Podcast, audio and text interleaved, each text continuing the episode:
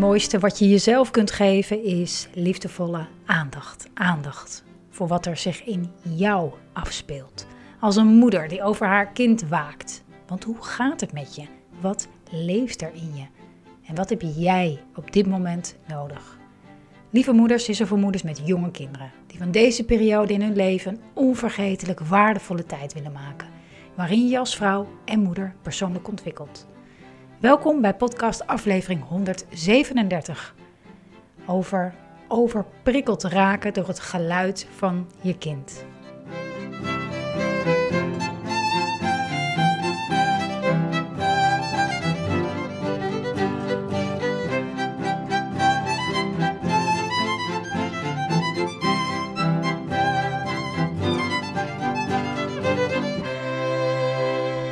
Lieve, lieve moeder, wat fijn dat je kijkt, dat je luistert naar podcast aflevering 137 over prikkeld raken door het geluid van je kind.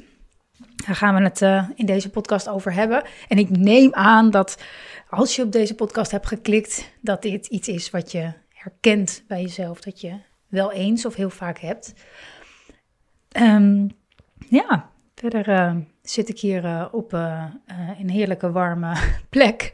Ik, ik moet zeggen, ik hou enorm van seizoenen en de verschillen. Um, en de momenten, vooral in zo nu, eind januari, waarop je echt weer merkt dat de dagen wat langer worden.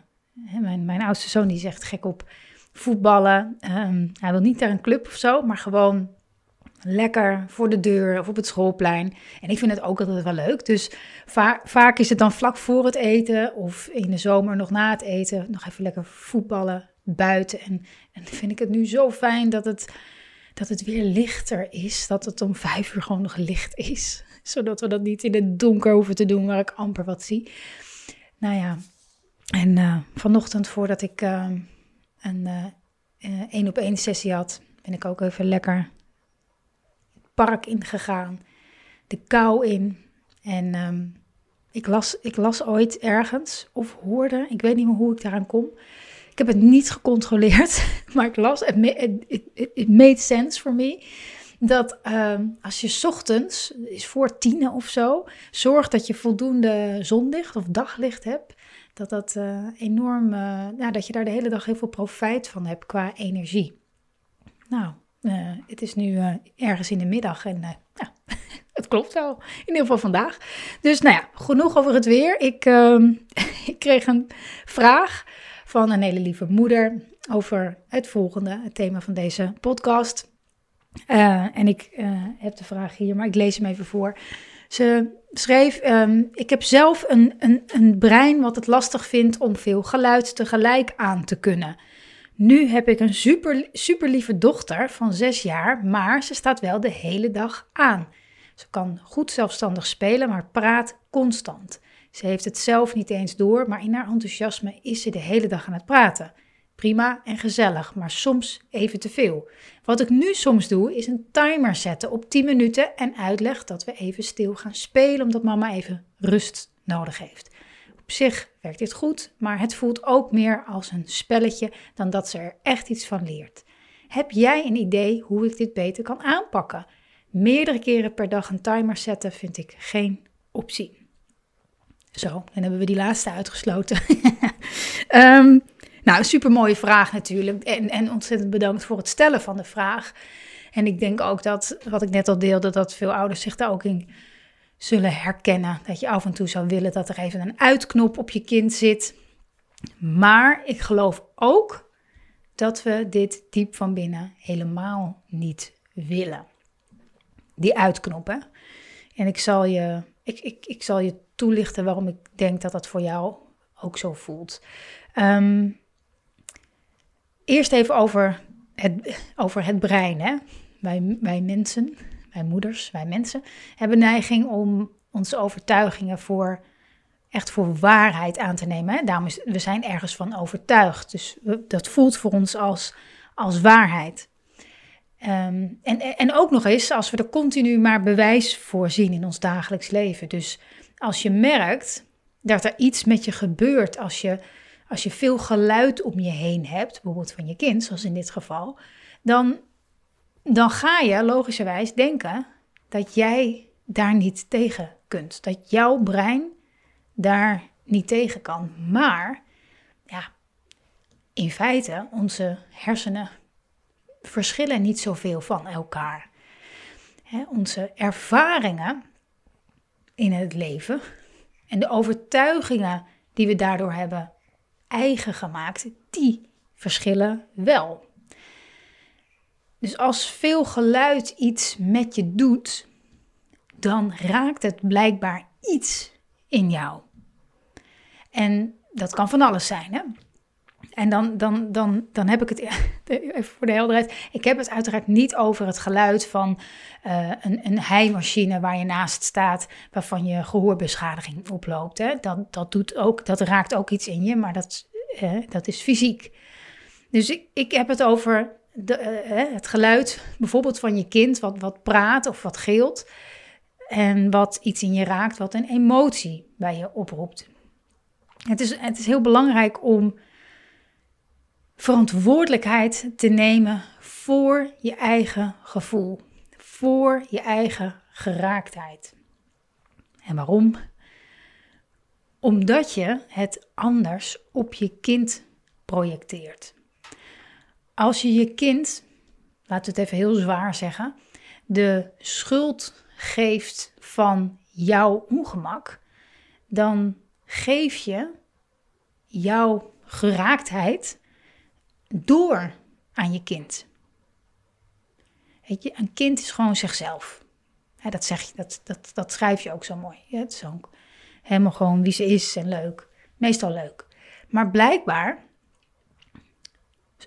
op andere momenten, op sommige momenten, is zichzelf zijn iets wat mama niet oké vindt. Dus wat doet een kind? Dat past zich aan.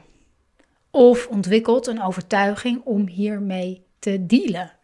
Want een kind wil niet dat mama hem of haar, in dit geval haar, niet meer leuk vindt. Een kind is afhankelijk van de hechting, de verbinding met jou, om te kunnen overleven. Dat is een heel natuurlijk iets. Dus zal eerder geneigd zijn om zichzelf te verlaten, minder zichzelf te zijn, dan de verbinding te verbreken. Dat doet een kind niet. Dus de kans is dat je kind later, als je kind later ook volwassen is, bijvoorbeeld ook niet goed tegen geluid kan. Omdat het dan onbewust geraakt wordt in de afwijzing van het zichzelf op die manier uiten. Klinkt natuurlijk best wel een beetje zwaar, maar dat is wel waar onze geraaktheden ook vandaan komen.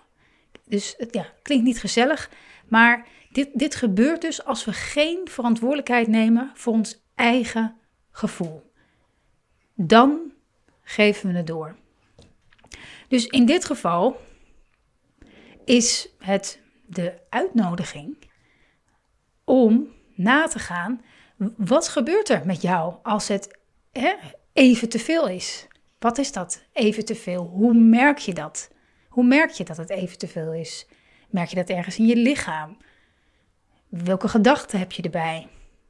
Wat heb je nodig? Hoe en hoe kan je dat voor jezelf organiseren? In plaats van jouw kracht uit handen te geven en je kind verantwoordelijk te maken of verantwoordelijkheid te geven over jouw onrust. Wat nodig is, is dat je weer, als dit zich regelmatig herhaalt, is het nodig dat je dan weer vertrouwen krijgt in dat je dit aan kan. Dat jij de onrust die het je geeft, dat je dat kan verdragen. En dat betekent niet dat je ook af en toe kan zeggen, um, als het, uh, niet misschien in dit geval, maar in andere gevallen, als je kind heel veel kabaal maakt, dat je op een gegeven moment zegt, jongens, nu gaan we even stoppen. Dat, dat, dat kan, hè? dat is oké. Je mag ook je eigen grenzen daarin respecteren. Maar altijd wetende dat, je, dat jij zelf verantwoordelijk bent voor wat dat geluid of gedoe met je doet. Dat je heel goed weet wat je nodig hebt en dit ook voor jezelf kan organiseren. Zonder je kind daar een rol in te geven. Jij kan dat. Jij kan dat. Jij bent een volwassen vrouw. Jij kan dat voor jezelf organiseren. En, nou, wat ik al zei, ik, ik, ik denk dat als je deze podcast luistert, dit iets is wat bij je speelt. Dus nogmaals, niet alleen tegen de lieve moeder die de vraag stelde, maar ook tegen iedereen voor wie dit iets is wat wel eens speelt. Je kan dit dragen. Dus ga na. Ga, ga. En, en, en wat maakt, wat helpt jou om dit, om dit te kunnen dragen? Ga na wat dat is. Wat zou jou helpen om haar te laten kletsen? Wat zou je helpen om je kind ehm, niet, te, niet te vaak te shushen en zichzelf te laten zijn, expressie te geven aan enthousiasme en aan blijdschap en aan, klieren en aan dollen en aan alles. Wat heb jij nodig om, om, om je kind die vrijheid te, te geven? Misschien is het meer tijd voor jezelf. Misschien is het wel zelf vaker kletsen. of lekker als gillen en ding is, uh, wat, wat vaker uh, van je laten horen. Of misschien is het wel beter voor jezelf zorgen. Vaker op adem komen. Of zelf meer de stilte opzoeken. Op momenten dat het kan. Of nagaan wat het, wat het in je raakt. En voor dat geraakte stuk in jezelf, om daarvoor te zorgen. Om dat te zien. Ik vind trouwens het idee van de, van de wekker superleuk. En juist, juist omdat ze er een spelletje van maakt, hè, dat, dat maakt het leuk. Dan, dan vindt zij het leuk. En jij hebt even die stilte. Op die manier, dat is een hele leuke, speelse manier om ermee om te gaan. Hè? Het is wel belangrijk als je dit doet, dit soort spelletjes even tussen haakjes, om, om te onthechten van het resultaat. Hè? Dus als het niet werkt, ja, helaas, weet je, leuk geprobeerd, maar helaas. En als het wel lukt, ah, nou heerlijk, even tien minuten zo doodse stilte in huis. En je kind, je kind hoeft hier dus niks van te leren. Je kind hoeft hier niks van te leren. Alleen jij. Alleen jij. En, en, en, een, en een kind leert rekening houden met een ander als er rekening wordt gehouden met hem of haar. Dat, dat is eerst nodig. En dan leert een kind dat ook doen naar anderen toe. Als dat iets is wat speelt, hè, dat je ik, ik, probeer altijd een beetje in de podcast gedachten te lezen.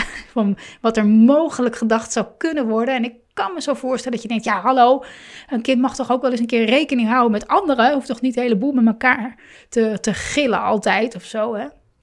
Nee, zeker. Maar kijk dan, wat is de behoefte van je kind op dat moment? Kan je daar rekening mee houden? Zodat een kind ook niet op dat moment, maar gewoon in zijn hele ontwikkeling ook leert rekening te houden met, met, met anderen. En het is ook niet gek hè, dat we kijken naar onze kinderen en, en, en ze, verant, ze verantwoordelijkheid geven of ze verantwoordelijk maken voor ons gevoel. We, we, we doen dat denk ik onbewust, of soms misschien wel bewust, allemaal wel. Ik doe dat ook. Ik doe dat ook. Hè, dan denk ik, nou ja, als hij nou gewoon even wat leuks gaat doen, in plaats van zijn broertje pesten, dan zou, ik me, dan zou ik me nu een stuk relaxter voelen. Maar ja, de, de, de, de, de minute dat ik me bewust ben van dit verhaal, niet, dus is het nodig om dat te stoppen, om te weten, nee, nee, nee, nee, nee, nee, nee, niet mijn kinderen, of niet mijn kind, maar ik ben verantwoordelijk voor hoe ik mij voel. Ik ben verantwoordelijk voor de sfeer in huis, niet mijn kind. En het wonderlijke is, het wonderlijke is, is dat als je die verantwoordelijkheid neemt, en dat, kan, dat hoeft niet per se te zijn in het doen, maar ook echt in het je bewustzijn van, oh wacht even, het is aan mij, het is aan mij. En er dan eventueel ook naar handelt, je ook verschil ziet in het gedrag van je kind. Er, er ontstaat een andere energie in de ruimte of tussen jou en je kind. Dus je, en je kind reageert daarop gaat zich anders gedragen als jij jezelf gaat dragen. Dat, dat, dat, dat werkt voor iedereen zo. Dus wat heb je nodig? Wat heb je nodig om verantwoordelijkheid te nemen voor je eigen gevoel? En dat is natuurlijk een vraag die, die, waar het heel vaak over gaat in alles wat ik, wat ik doe. En de vrouwen die ik begeleid, in, de, in het Mindful Moeder Membership bijvoorbeeld, komt dat ook regelmatig terug. Wat is er voor nodig om die verantwoordelijkheid te dragen? En daarvoor is liefdevolle aandacht voor jezelf ontzettend belangrijk. In je, in, gewoon in je dagelijks leven. Niet alleen los van je gezin. Ook als je met je kinderen bent, kan je leren om er voor jezelf te zijn. En dat kan op, nou, dat kan op heel veel verschillende manieren.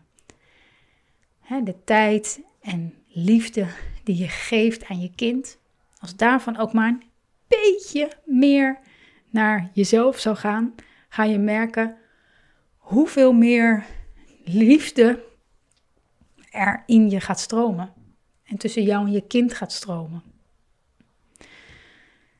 In de vorige podcast had ik het ook met je gedeeld. Ehm, de deuren van het Mindful Moeder Membership die gaan ongeveer twee, drie keer per jaar open voor moeders die liefdevoller voor zichzelf willen zijn, zonder zelf te moeten uitzoeken hoe je dat dan doet. Uh, het is zo fijn als er een, als er een, een ritme is, een gewoonte in jou zich ontwikkelt om dat, om dat te doen. En daarom is het membership zo laagdrempelig en zo'n fijne plek waarin ik dit aanreik. Waarin ik je elke week even een reminder stuur. Luister dit, of kijk eens dat, of probeer eens dat. En op allerlei manieren inzichten geef en een goed gevoel. Een goed gevoel over jezelf. En het is, weet je, ik vind het altijd heel belangrijk. We, kunnen heel veel bedenken over wat goed voor ons zou zijn. Maar heel veel daarvan, of heel veel daarvan, is vaak, we denken heel vaak in dingen als even, even weg uit het gezin. even eruit. Terwijl dat is ook fijn af en toe en ook belangrijk. Maar de meeste tijd zijn we met ons gezin. Neem even een slokje. De meeste tijd zijn we met ons gezin. Dus daarom is het zo ontzettend belangrijk om juist in het dagelijks leven te weten wat jou helpt om, er, om, om trouw aan jezelf te blijven. Goed voor jezelf te zijn. En wat fijne is, weet je, ook in het membership kan je elke maand weer live, is er alle tijd om je vragen te stellen. En ja, dat maakt gewoon dat je nooit lang ergens mee hoeft te, te zitten. En er zijn ook heel veel moeders die altijd alleen maar komen kijken. Gewoon alleen komen kijken en luisteren. Hebben zelf geen vraag, maar herkennen zichzelf. Dat hoor ik zo vaak. Dat het zo oplucht om te weten dat met bepaalde dingen. En dat hoop ik natuurlijk ook dat je merkt met deze podcast en ehm, de vragen die er komen en die ik, waar ik over heb. Dat je merkt van, oh wacht even, dit speelt dus bij veel meer moeders op deze manier. En dit kan ik doen om daar verder in te groeien. Dus ehm, binnenkort deuren open volgende maand. Als je erbij wil, kan voor één maand, kan zo lang als je wil. Meld je dan in ieder geval aan voor de wachtlijst. Dan stuur ik je namelijk eh, een mail als het membership volgende maand weer open is. Ehm, of eigenlijk iets daarvoor. Want dan heb ik iets heel tofs voor alle moeders die op de wachtlijst staan. Ehm, en dat kan gewoon via de link in de omschrijving van de podcast die ik met je ga delen. Um, ook in de link in de bio op Instagram zie je de link naar het membership. En daar staan naam, e-mailadres en dan sta je op de wachtlijst. En ik hoop dat deze podcast waardevol voor je was. En als je erop wil reageren of je hebt er nog een vervolgvraag op, laat het me vooral weten. En als je me wil helpen meer moeders te bereiken, laat dan een review achter in je podcast-app of een aantal sterren. Het kost je hooguit 30 seconden en maakt voor mij echt een heel groot verschil. Uh, of als je dit op YouTube kijkt, hoi, een duimpje, abonneer je op mijn kanaal. Dan wordt de podcast namelijk makkelijker vindbaar en kunnen weer meer moeders de impact gaan voelen van liefdevoller worden voor zichzelf. Dankjewel, lieve, lieve, lieve, lieve moeder, voor het kijken, voor het luisteren en tot de volgende aflevering.